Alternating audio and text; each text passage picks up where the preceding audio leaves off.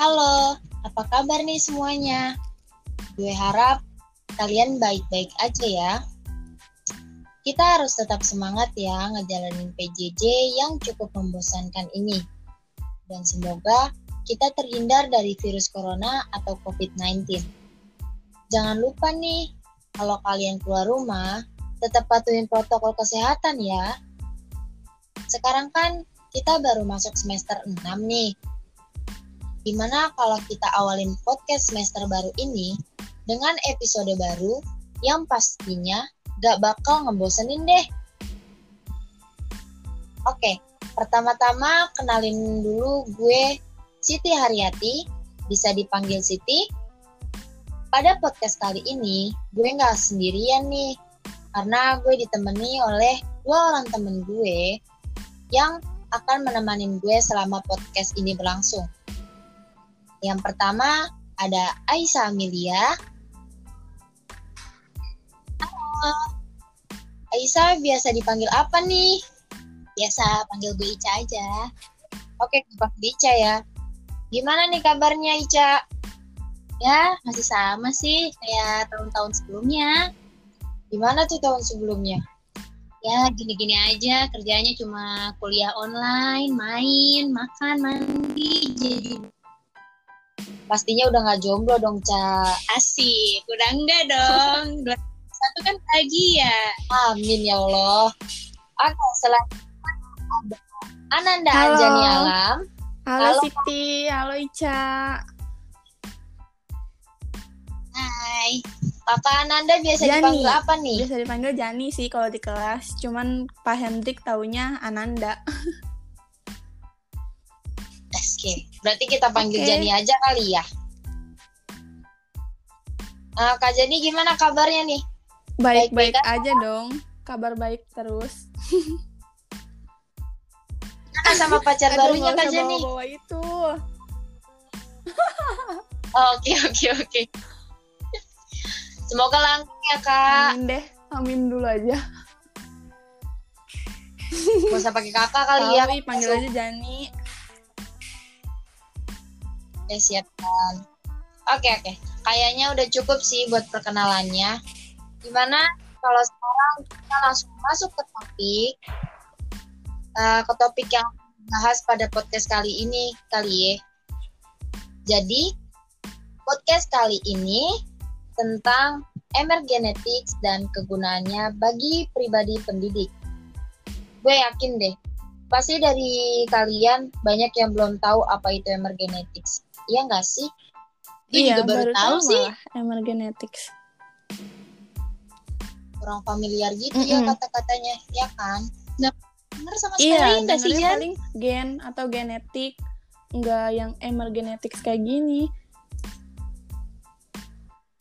Oke, kita ulas aja kali ya di podcast kali ini biar teman-teman ngerti juga apa sih itu emergenetics. Boleh, boleh, boleh. Soalnya sih gue juga baru tahu dan baru dengar juga kali ini apa itu emergenetics. Gue jelasin nih, emergenetics adalah sebuah cara untuk menjelaskan tabiat dan kebiasaan orang berdasarkan empat atribut dan tiga atribut perilaku yang nantinya akan dijelaskan oleh Kak Ica. Gimana Kak Ica, siap buat ngejelasin? Siap dong, lanjut aja dulu. Oke, sekarang gue lanjut dulu ya. Emergenetics ini menggambarkan cara seorang individu menggabungkan dan mencocokkan ketujuh atribut tersebut dari ketujuh atribut emer emergenetics tersebut, secara independen akan menentukan profil karakteristik, cara berpikir, dan perilaku seseorang dalam bersikap atau bereaksi terhadap kondisi lingkungannya. Karakteristik ini dapat diketahui menggunakan tes emergenetics berupa kuesioner, self-assessment yang menghasilkan suatu gambaran pola pemikiran, dan pola perilaku seseorang. Dengan profil emergenetics yang telah dimiliki melalui tes tersebut, seseorang mendapatkan pemahaman tentang cara berpikir dan bersikap, cara belajar, cara melakukan pendekatan pada situasi baru, cara menyelesaikan sesuatu, dan cara untuk berinteraksi dengan orang lain. Oke, mungkin uh, bisa dipahamin oleh teman-teman apa itu emergenetics ya, biar ada iya, gambarannya. uh, tadi kan udah ngejelasin nih tentang pengertian emergenetics, di mana di dalamnya terdapat tujuh atribut. Untuk lebih detailnya tentang atribut tersebut, kita langsung dengerin aja kali ya Kak Ica untuk untuk diperjelas lagi tujuh atribut itu apa. Untuk Kak Ica dipersilakan. Oke, thank you Siti atas penjelasannya. Nah, kalian kan sekarang udah tahu nih pengertiannya. Nah, sekarang gue tuh pengen ngasih tahu nih supaya kalian tuh lebih paham dan lebih tahu apa itu pentingnya emergenetics buat depan kalian. Nah, sekarang gue bakal jelasin apa aja atribut-atribut yang termasuk di dalam emergenetics itu. Yang pertama itu ada atribut pikiran. Atribut pikiran terbagi menjadi empat. Yang pertama adalah pikir atribut pikiran analitis. Ciri-ciri atribut pikiran analitis yaitu berpikir secara logis, rasional, objektif, berdasarkan fakta, dan menyelesaikan solusi dengan logika. Selain itu, orang yang memiliki atribut pikiran analitis selalu melihat data dengan rasional dan memiliki analitikal yang kuat dalam melakukan analisa. Oke, sekarang gue lanjut yang kedua, yaitu atribut pikiran struktural. Atribut pikiran struktural yaitu punya ciri-ciri seperti berpikir praktis, hati-hati, eh, terus mudah ditebak orangnya, serta orangnya itu tuh metodis. Nah, seseorang yang yang memiliki pikiran anak atribut pikiran struktural itu seorang yang berpikir praktis, serta menyukai pedoman dan berhati-hati terhadap melakukan sesuatu. Nah, contohnya ini tuh seperti Bill Gates. Kalian pasti tahu kan Bill Gates? Nah, ketika ia mengeluarkan produk Windows, apa yang ia lakukan? Coba, dari awal keluar sampai saat ini tidak banyak ada perubahan, tetapi tetap kan jadi software terbesar di dunia. Iya, betul sekali. Bahkan kalian aja nih pasti nih selama kuliah pasti makainya tuh Windows. Jarang banget orang yang make keluaran produk yang lain. Nah struktural adalah berpikir praktis. Jadi itu dia selalu melihat langsung ke area kerja eksplorasi idenya dengan bertanya beberapa temuan di lapangan yang kurang praktis. Seperti itu. Nah selanjutnya nih yang ketiga adalah atribut pikiran sosial.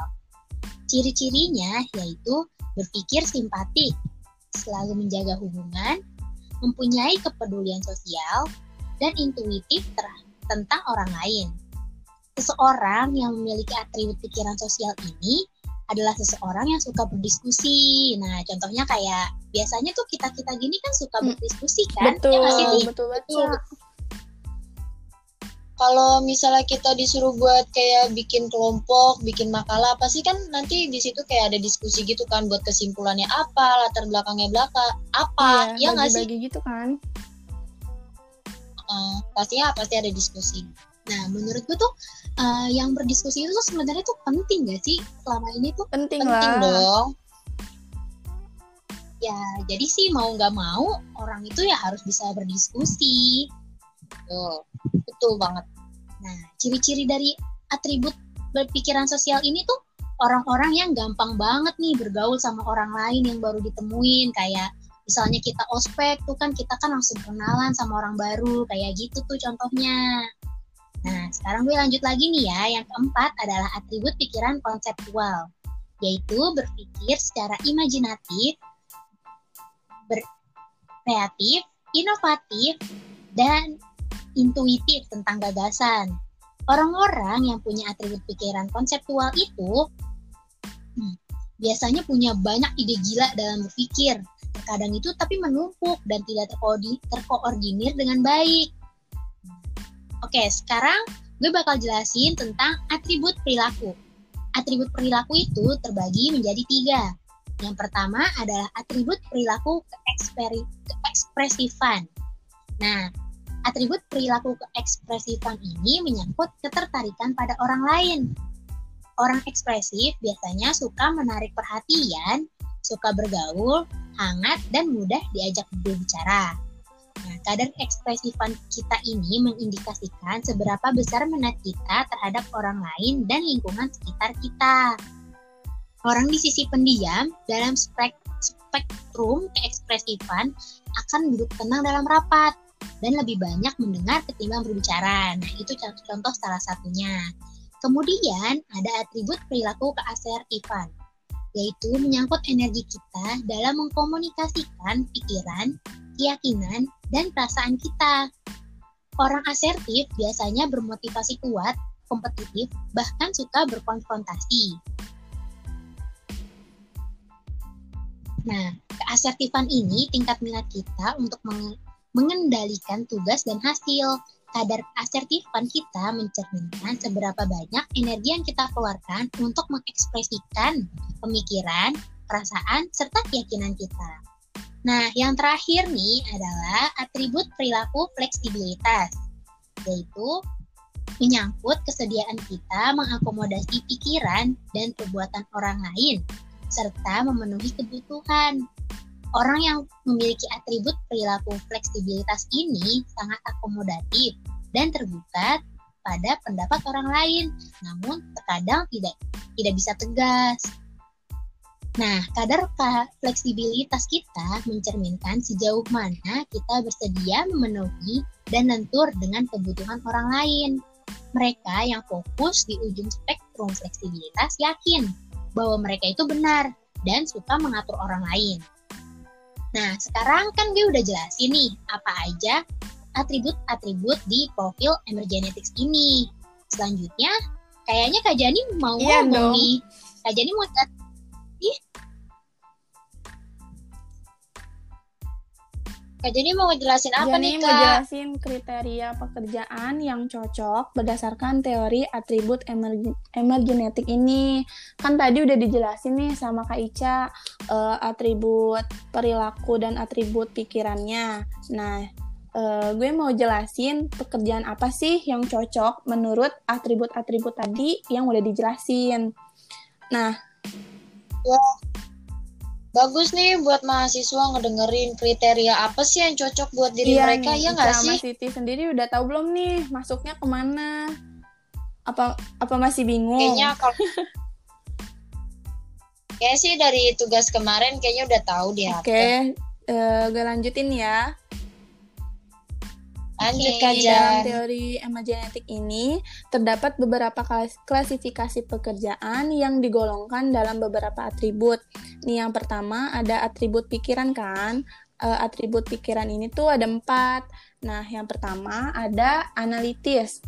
Yang tadi udah disebutin ini memiliki sifat yang logis dan objektif, dapat bekerja dengan fakta, informasi, ada objek dan perlengkapannya. Nah, pekerjaan yang cocok buat orang yang uh, uh, atribut pikirannya masuk ke analitis ini ada advokat, fotografer, teknisi, uh, agen properti, dan ahli transportasi, atau bisa juga uh, saintis atau perawat nih. Cocok banget masuk ke uh, atribut pikiran analitis.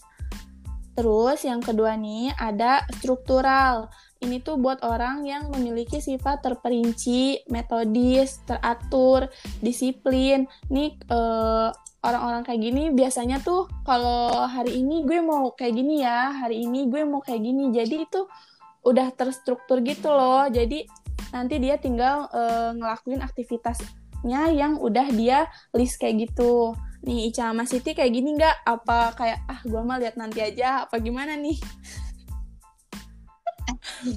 gimana lo Ti? Kayaknya lihat nanti aja deh.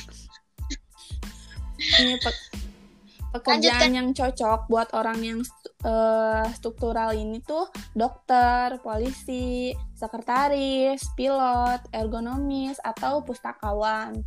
Nih, terus ada yang sosial memiliki sifat yang sensitif, pemberi, bersahabat, berbela rasa, berempati, mendukung, dengan perasaan, berkomunikasi, berinteraksi, dan peduli nih. Ada kan orang-orang yang uh, sebagian orang yang rasa nggak enakannya tuh besar nih. Masuknya ke sosial kayak gini nih. Pekerjaan yang cocoknya itu pekerja sosial psikologi uh, guru atau dosen atau bisa juga dokter. Nih wah sih gitu tuh Jan. Enggak nih. Enggak enakan gitu nih Jan. Nggak bisa nolak ya. Pasti kan betul kayaknya tuh atribut uh, pikiran yang sosial itu kayaknya punya banyak temen gak sih punya banyak temen tapi kayaknya tuh tekanan batinnya juga gede gak sih? Kayak ya udah mentingin orang lain dulu gitu apalagi kalau misalnya kita punya perilaku yang sosial terus nggak enakan pula sama orang lain. Jadi tuh kita kayak mendem gitu nggak sih iya, apa yang kita pengen? Yang penting orang lain seneng dulu deh gitu kita belakangan. Jangan curhat dong Kak Jani. Udah lanjut ya, lanjut. Uh, terus yang uh, keempat ini ada konseptual, memiliki sifat yang inventif, orisinal, mencari perubahan, imajinatif, gampang bosan, mendunia, inovatif, dan tidak konvensional. Pekerjaan yang cocok adalah wartawan, penata rambut, desainer, atau kartunis ini kan uh, konseptual ini tuh uh, tadi salah satunya sifatnya itu gampang bosan. Jadi pekerjaan yang cocoknya itu kan kayak wartawan, tiap hari kan update berita yang berbeda-beda gitu kan. Jadi uh, bervariasi gitu pekerjaannya. Nih cocok nih buat yang uh, gampang bosan nih. Bosan oh. di suatu kerjaan kan kak, ya, bukan iya. di suatu hubungan. Aduh, itu mah beda ti. Ya Allah, hubungan terus aku mau tanya dong Kak Jani tuh maksudnya masuknya ke atribut pikiran uh, apa kira-kira eh, kalau untuk saat ini sih kayaknya masuknya atribut sosial deh ya kayak gak enak gitu kalau lihat orang apa ya namanya gak enakan deh kalau nolak orang gitu oh gitu kalau Kak Siti gimana nih Kak Kayaknya sih lebih masuk ke sosial iya. untuk saat ini. Cak gimana Cak? Masuk ke mana nih Cak? Uh, kalau aku sih kayaknya di oh, konseptual deh. Soalnya juga nggak suka sama sesuatu yang terorganisir kayak hmm, struktural jadi gitu. Jadi kayak monoton gitu ya jatuhnya. Iya benar. Jadi kayak konseptual asik sih mm -hmm. kayaknya cocok banget. Wih, berarti tahu nih kerjaan yang harus digeluti apa nih? Aduh, aku nggak tahu sih kalau oh. itu jauh banget. Ya udah, lanjut ya. Lanjut iya. kak. Sekarang ada atribut tingkah laku. Yang pertama ada asertif. Memiliki sifat yang tangguh, berkuasa, bertekad, siap bertindak, kompetitif, dan agresif. Pekerjaan yang cocok buat orang yang asertif ini, uh, aktor atau aktris, ahli kecantikan, manajer bank, uh, broker atau makelar, jasa kurir, penerbit, editor, reporter, public relation, dan pengelola hotel.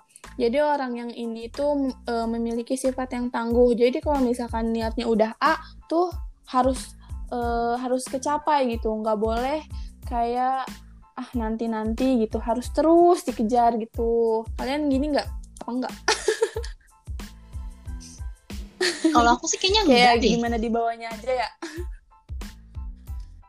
Ya, nggak nggak terlalu ngerasa kayak itu sifat yang tangguh hmm. berkuasa santai aja gitu ikutin alurnya. Ikutin alurnya betul banget kak ya. Lalu ada uh, tingkah laku ekspresif. Memiliki sifat yang suka bergaul mencari perhatian suka tampil suka berbicara ramah, cerewet. Nih. Pekerjaan yang cocoknya itu adalah pengarang atau penulis, musikus, artis, penari, penjual bunga, perawat, guru, pemain drama juga bisa, atau bahkan resepsionis. Nih orang yang sifatnya suka bergaul nih sama orang yang baru pertama ketemu aja kayaknya tuh sejam dua jam tuh udah akrab banget nih. Cocok nih uh, kerjaannya. Oh. Siti kayak gini nih ya, baru sejam dua jam udah akrab nih sama orang baru pasti itu masih cuma SKSD aja deh kakeknya Party deh kak tadi aku nanya nih belum Apa dijawab tuh? sama kakak yang Iya. atribut asertif. Kakak ter- gitu nggak sih? Kakak termasuk ke atribut tingkah laku asertif Kayaknya nggak? enggak deh. Kayaknya tuh enggak se tekad itu gitu ya yang tadi gue bilang kayak ya udah ikutin alurnya aja gitu nanti kan kayak lama-lama kelihatan tuh yang terbaik yang mana Ciela Baik. Lanjut dong. lanjut ya. Terus eh, atribut tingkah laku yang terakhir yaitu fleksibel. Memiliki sifat yang beradaptasi, mendukung, santai, ceria, bisa berubah, akomodatif, ramah, melihat banyak pilihan. Pekerjaan yang cocoknya itu komentator, kritikus, dan perancang busana. Orang-orang itu eh, bisa eh, beradaptasi. Jadi gampang nyesuaiin kalau dia di situasi A dia di situasi B. Jadi orangnya nggak yang kaku gitu fleksibel santai gitu. Ica gimana Ica gini? Siti Eh, kayaknya gue termasuk yang fleksibel jadi deh. masuk ke mana aja gitu ya ke sini masuk ke sana masuk Iya. Betul, betul. Bisa beradaptasi. Tapi bukan yang ke ekspresif. Soalnya gue nggak segitu gampangnya buat Hmm, bergaul. kadang kita orang. harus disapa duluan ya baru kita bisa akrab nggak bisa memulai duluan gitu Kadang juga, kadang malu ngerasa gitu nggak sih Iya, kalau ketemu orang kadang baru. malu buat nyapa padahal mah kalau udah disapa duluan sih kita bakal asik juga nggak sih Iya, gitu tuh benar tuh. Berarti tipe-tipe orang yang pengen disapa ini ya. Siti juga gitu kan apa Siti nyapa duluan nih Siti kayaknya nyapa duluan Kayaknya sih. aku orang yang SKSD Oh, pasti menyapa Mantap, duluan. nggak apa-apa Teman-teman Ananda Anjani sama Isa ininya disapa duluan guys. lanjut lanjut nih sekarang ada kegunaan bagi pribadi pendidik nih bakalan dibahas sama Siti oke Ti lanjut Oke, sekarang kita bahas kegunaan emergenetics bagi pribadi pendidik. Di sini tuh ada delapan kegunaan bagi peserta didik. Yang pertama itu ada emergenetics memperbaiki komunikasi dan meningkatkan produktivitas. Benar nggak sih? Emergenetics itu bisa meningkatkan komunikasi dan meningkatkan produktivitas kita dalam pelajaran. Ngerasa nggak sih? Kalau menurut Iya. gue sih iya sih. bisa juga Iya kan? Kita jadi sebagai pendidik jadi tahu apa karakteristik dari Mm-mm. murid-murid kita. Betul, betul. lanjut Lanjut ya kak. Lanjut. Yang kedua nih ada emergenetics merupakan hal yang dapat melandasi keberhasilan dalam kegiatan bela- pembelajaran. Ini bener banget sih kalau menurut aku. Terus yang ketiga ini ada emergenetics merupakan pendekatan yang komprehensif untuk mencapai tujuan pembelajaran antara pendidik dengan siswa. Betul sih, kalau misalnya pendidik tahu karakteristik siswa tersebut, pastinya Iya. lebih gampang kan? Iya, jadi sering salah paham juga kayak mikir kok di guru Mm-mm. Ica galak banget ya. Jadi nggak seperti itu siswanya. Lanjut, yang keempat yaitu ada kegiatan pembelajaran yang menggunakan emergenetics akan memperoleh masukan untuk pendidik sehingga dapat membuat kegiatan belajar menjadi lebih kreatif dan efektif.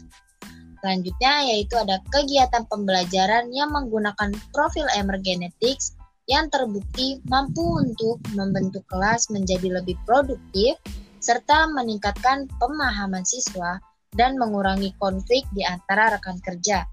Nah, menurut gue sih di kegiatan pembelajaran yang terbukti membuat kelas menjadi produktif sih kayaknya bener banget sih kan kita kan jadi bisa tahu kan karakteristik siswanya gimana. Jadi tuh kita sebagai pendidik bisa ngebentuk kelompok antara peserta-peserta didik yang mungkin berbeda-berbeda. Jadi kita masukin ke dalam satu kelompok dan membentuk pekerjaan kelompok. Jadi semuanya bisa nyatu menurut Iya, jadi, jadi gitu kayak juga nggak sih? semua nyatu, gabung, nggak yang pisah. Ini sini, ini sini kan nanti jadi gimana gitu beda. Bener banget kak, ntar malah jadi si- Mm-mm. selisih paham. Tuh. Tuh, Itu nih ada nih, emergenetics juga menjalin kualitas pekerjaan yang lebih baik dan juga pengembangan solusi yang lebih efektif atas sebuah masalah. Bener banget ini. mm, Kalau kita tahu karakteristik siswa tersebut, pasti kita tahu apa yang bakal Mm-mm. menyelesaikan masalah Iya, tersebut. jadi kayak Iya udah nggak sih? tahu kalau misalkan dia pribadinya gini, berarti kita nyelesain masalahnya kayak gini gitu. Jadi kita bisa ambil keputusan yang tepat juga untuk Mm-mm, peserta betul. didiknya. Lanjut. Eh, selanjutnya itu yaitu ada dengan perantara emergenetics akan ditemukan kekuatan yang dimiliki oleh setiap individu atau siswa dan kekuatan mana yang berhubungan dengan energi yang paling besar. Jika kekua- kekuatan tersebut dimanfaatkan dengan baik, maka setiap individu belajar dengan nyaman tanpa kehabisan energi. Selanjutnya yaitu ada emergenetics menciptakan tim yang kuat dengan menampilkan dan memanfaatkan kekuatan unik masing-masing anggotanya. Emergenetics bisa dikaitkan dengan tujuan individu dan tim, proyek tertentu, dan budaya komunikasi dan keterbukaan yang berkelanjutan. Mungkin di sini udah kita jelasin nih kak tentang emergenetics ya nggak sih? Jelas, Jelas banget lah, udah gue. Iya dicontohin juga sama kehidupan pribadi kita kayak gimana gitu di real life-nya. Mungkin kalau untuk diringkas lagi kita masuk ke pembahasan kak pembahasan aja kali ya. Gimana nih Kak Ica? Siap untuk dijelasin Kak? Oke, mungkin gue di sini bakalan lebih memperjelas dan mempertegas kali ya apa sih hubungan emergenetik sama pribadi pendidik itu sendiri. Nih, oke, kita kan di sini kuliah di PAP, pasti kan ya ilmunya kan pasti ada ilmu pendidikannya kan yang memungkinkan kita buat menjadi seorang Iya, pendidik betul ya nggak sih Kak. Jani? Nah, gue di sini tuh pengen memperjelas aja nih kenapa seorang pendidik itu harus mengetahui emergenetics dari setiap karakter siswanya. Nih, oke gue jelasin ya. Kan emergenetics ini adalah sebuah cara untuk menjelaskan tabiat dan kebiasaan orang berdasarkan atribut pikiran dan atribut perilaku. Seorang pendidik yang menggunakan perantara emergenetics ini terbukti dapat membentuk pembelajarannya lebih produktif serta dapat meningkatkan pemahaman dan mengurangi konflik di antara siswanya serta dapat melakukan pengembangan solusi yang lebih efektif dari sebuah masalah. Pendidik yang mengenali siswanya baik dari atribut cara berpikir dan atribut perilaku mereka biasanya dapat berkomunikasi dengan akrab serta dapat mengajar dan memotivasi siswa dengan lebih efektif. Nih, kalian ngerasa nggak sih waktu sekolah dulu tuh kayak kadang tuh kayak ada guru kesayangan kalian, ada guru yang Ada. kayak gitu pasti. ada kan pasti nah itu tuh menurut gue tuh eh, guru yang biasanya jadi guru idola di sekolah itu tuh dia tuh biasanya tuh yang deket sama siswanya nah biasanya mereka itu tahu karakteristik dari setiap siswa makanya dia bisa deket sama siswanya kayak gitu nah berguna banget kan emergenetics buat Banget pendidik lah. Banget dong Kak. Oke, lanjut ya. Emergenetics ini sangat diperlukan untuk menentukan karakteristik tiap individu, termasuk siswa. Untuk itu, emergenetics sangat berpengaruh dalam menentukan pekerjaan yang cocok dengan pribadi seseorang. Salah satunya itu, ya ini kita sebagai pendidik. Pendidik perlu mengetahui karakteristik dari dirinya sendiri maupun dari siswanya yang bertujuan untuk saling memahami antara pendidik dengan siswanya. Dengan memanfaatkan emergenetics sebagai dasar untuk kinerja pribadi, pendidik dapat memberikan ilmu dengan inovasi dan kreativitas. Misalnya tuh kayak emergenetics membangun efektivitas interpersonal yang menyadari pentingnya kekuatan seorang pendidik berdasarkan profil emergenetics yang beragam. Tapi nih, pendidik itu tidak da- tidak dapat melihat perilaku siswa dan membuat kesimpulan atas atributnya karena mereka itu tidak mengetahui proses pikirannya. Nah, profil emergenetics yang unik ini memberikan pemahaman tentang cara berpikir, bersikap, cara belajar, cara melakukan pendekatan pada situasi baru, cara menyelesaikan masalah baru, cara cara orang lain memandang kita dan sebagainya. Oke. Jadi ya kita semua udah tahu kan karena penjelasan kali ini. Kira-kira bisa, dong, dimengerti nggak sih? Jelas banget Kalau- ini. ya mungkin jelas banget sih menurut Iya, aku ya nggak sih? lagi nih Kak Ica. Kayaknya karena pembahasan kita juga udah cukup lengkap ya kita langsung masuk Oke, ke kesimpulan jadi aja gue sih? simpulin ya atas pembahasan kita.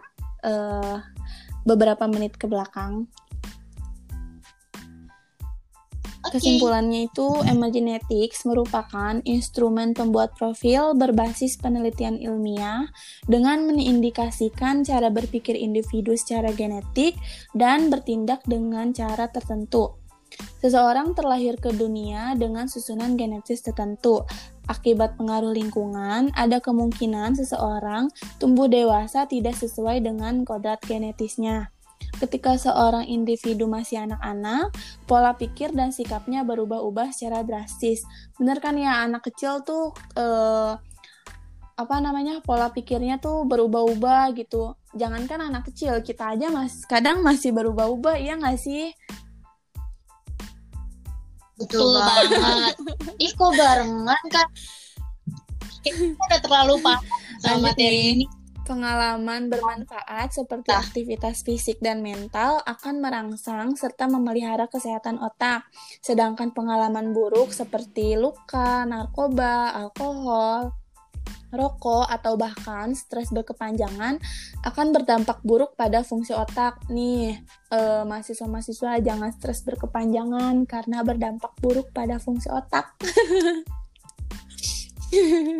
betul banget ah, jangan, jangan stres ya, ya. guys jangan juga kalian ya guys please aduh aja Lanjut nih, otak adalah faktor Ah, yang ya. menentukan cara berpikir dan bersikap kita. Karena itu, emergenetics didasari pada riset otak berkini. Dengan memanfaatkan emergenetics sebagai dasar untuk kinerja pribadi dan tim, dapat membangun budaya pendidikan yang diperkuat dengan inovasi dan kreativitas. Emergenetics memberikan gambaran mendalam tentang kombinasi prevensi berpikir dan atribut perilaku. Organisasi yang menggunakan profil emergenetics terbu- terbukti mampu membentuk pembelajaran yang lebih produktif, meningkatkan pemahaman, dan mengurangi konflik di antara eh, para siswanya. Eh, seperti yang udah dibahas tadi kan sama Kak Ica, Kak Siti, kalau misalkan pendidik udah tahu karakter siswanya gimana, pasti eh, nyelesain masalahnya juga bakalan cepet, bakalan ketemu gitu. Iya kan? Betul betul Nah, betul bang Dengan Banget, perantaraan emergenetics akan ditemukan kekuatan yang dimiliki oleh setiap individu selaku anggota tim dan kekuatan mana yang berhubungan dengan energi yang paling besar. Nih, jadi kesimpulannya tuh eh, gini udah jelas kali ya kesimpulan dan pembahasan materi kita tentang profil emerge- emergenetics ini. Ya kan, Kak Ica, Kak Siti? Udah Iya. kok udah cukup jelas apalagi kan buat peran kita yang bakalan jadi calon pendidik kayaknya udah cukup membantu sih. Semoga sih kita jadi calon pendidik yang Amin. baik ya. Amin. Emang calon pendidik beneran? Ya enggak lihat nanti itu dah. Kita lihat Allah gimana? Betul lanjut kak guys, jadi kira-kira begitulah materi emergenetics ini. Kalau misalkan kalian berpikirnya emergenetics ini nggak berguna, salah banget nih. Karena kan kita juga jadi tahu nih kita masuknya ke mana, pekerjaan yang cocok untuk kita nantinya tuh apa gitu kan. Karena gue baru sen- Betul. ba- eh, karena gue sendiri tuh baru ngerasain gitu dampaknya sekarang dan menurut gue sekarang gue jadi tahu pekerjaan apa yang mau gue gapai nanti sebelum gue terlanjur nyemplung di pekerjaan yang gak bikin nyaman gitu. Kan kadang eh, apa kita eh, eh, lihat apa ya lihat orang lain gitu kadang ada juga yang eh, salah kerjaan lah atau misalkan dia harusnya masuk ke sini tapi masuk ke sini gitu kan. Karena belum mengenali karakter diri sendiri tuh gimana gitu kayak ngambil kayak salah jurusan Iya, nggak sih salah kak jurusan, contohnya gitu kayak, kayak ngerasanya salah jurusan gitu kasih tiap sama Kak Ica gitu nggak uh, buat salah jurusan sih Uh-uh. it- enggak ya. Iya. Kalau udah semester akhir nih, udah pen- kalau salah jurusan mungkin Iya. semester 2 udah berhenti bukan kali salah ya. Kak. jurusan juga kali ya, karena emang capek aja kali ya sama tugas kuliahnya, jadi bilangnya salah jurusan. Iya. Apalagi daring gitu kayak kerasa salah jurusan banget Iya, nggak kayak sih kak? bosan gitu. Semoga nih covid cepet kelar ya Iya, kak, biar kita tatap muka. Amin ya Allah. Lanjut kak. Tapi eh, emang gitu sih ya kayak apa namanya penting banget loh. Soalnya kalau misalnya sekalinya kita salah jurusan, salah tempat kerja, salah profesi tuh kita bakalan gak nyaman banget gak sih? Dan ke sananya tuh jadi males Iya. buat ngapa-ngapain. Jadi nggak nyaman, Coba. terus kayak buang-buang waktu juga gitu. Rasanya tuh gak enak banget pasti deh. Rasanya tuh kayak aduh mau cepet-cepet keluar, Mm-mm, mau jadi cepet-cepet jalaninnya udahan. juga nggak semangat Jadi- gitu. Asal selesai deh Tuh. gitu pasti. Asal IPK keluar deh gitu nggak sih? Kayak ngejain uas, Iya. asal beres dah gitu uasnya. Apaan ini? Ya ketahuan. Contoh, contoh. Contoh. Kirain beneran. Nggak bener. Nggak apa-apa kak. Soalnya Siti sama Ica juga gitu ya. doang deh. Anak-anak kelas yang lain juga mungkin ada beberapa yang kayak gitu. Mungkin ya. Mungkin ya. Jangan marah ya guys, ini hanya kemungkinan. Mm-mm, hanya kemungkinan. Mung- Mung- Dan gak cocok banget. mungkin udah kali ya pembahasannya itu aja. Bentar nih Kak Jeni, Apa? tadi tuh Kak, Kak Ica tuh ngomong kayaknya deh. Di antara bertiga tuh mungkin tuh nggak cocok di atribut Pikiran struktural. nah Struktural. pikiran struktural. Uh-uh. Struktural. Karena tuh kita tuh emang anaknya tuh ya udah gitu, nggak bisa tuh yang terus gitu. Iya, Kayak ribet nggak sih kayak Kak? pernah banget nyobain sih. misalkan hari libur, ah jam segini nih, misalkan ada tugas ini mau ngerjain ah, terus nanti ngerjain lagi, tahunya mah kan nanti ngerjainnya malam begadang gitu, siangnya mah tidur main. Bener. banget. Soalnya tuh kasur Iya, panggil buat kita tidur malamnya gitu. baru begadang. Udah kali ya Kak, mungkin cukup, Cukup di sini ya Kak. Jadi udah mungkin pembahasannya udah jelas banget nih ngobrol-ngobrol barengnya juga udah. Eh, gue tutup aja kali ya. Oke. Boleh Kak. Jadi makasih nih yang udah dengerin podcast ini sampai akhir. Semoga kalian juga denger sampai akhir ya, oke? Semoga be- bermanfaat ke depannya untuk kita semua. Gue Anjani. Lalu ada temen gue. Ica. Lalu ada gue Pamit Siti. undur diri ya guys. See you. Bye. Bye. Jaga kesehatan Tetap guys. semangat. Tetap semangat. Love you. Dadah. Dadah.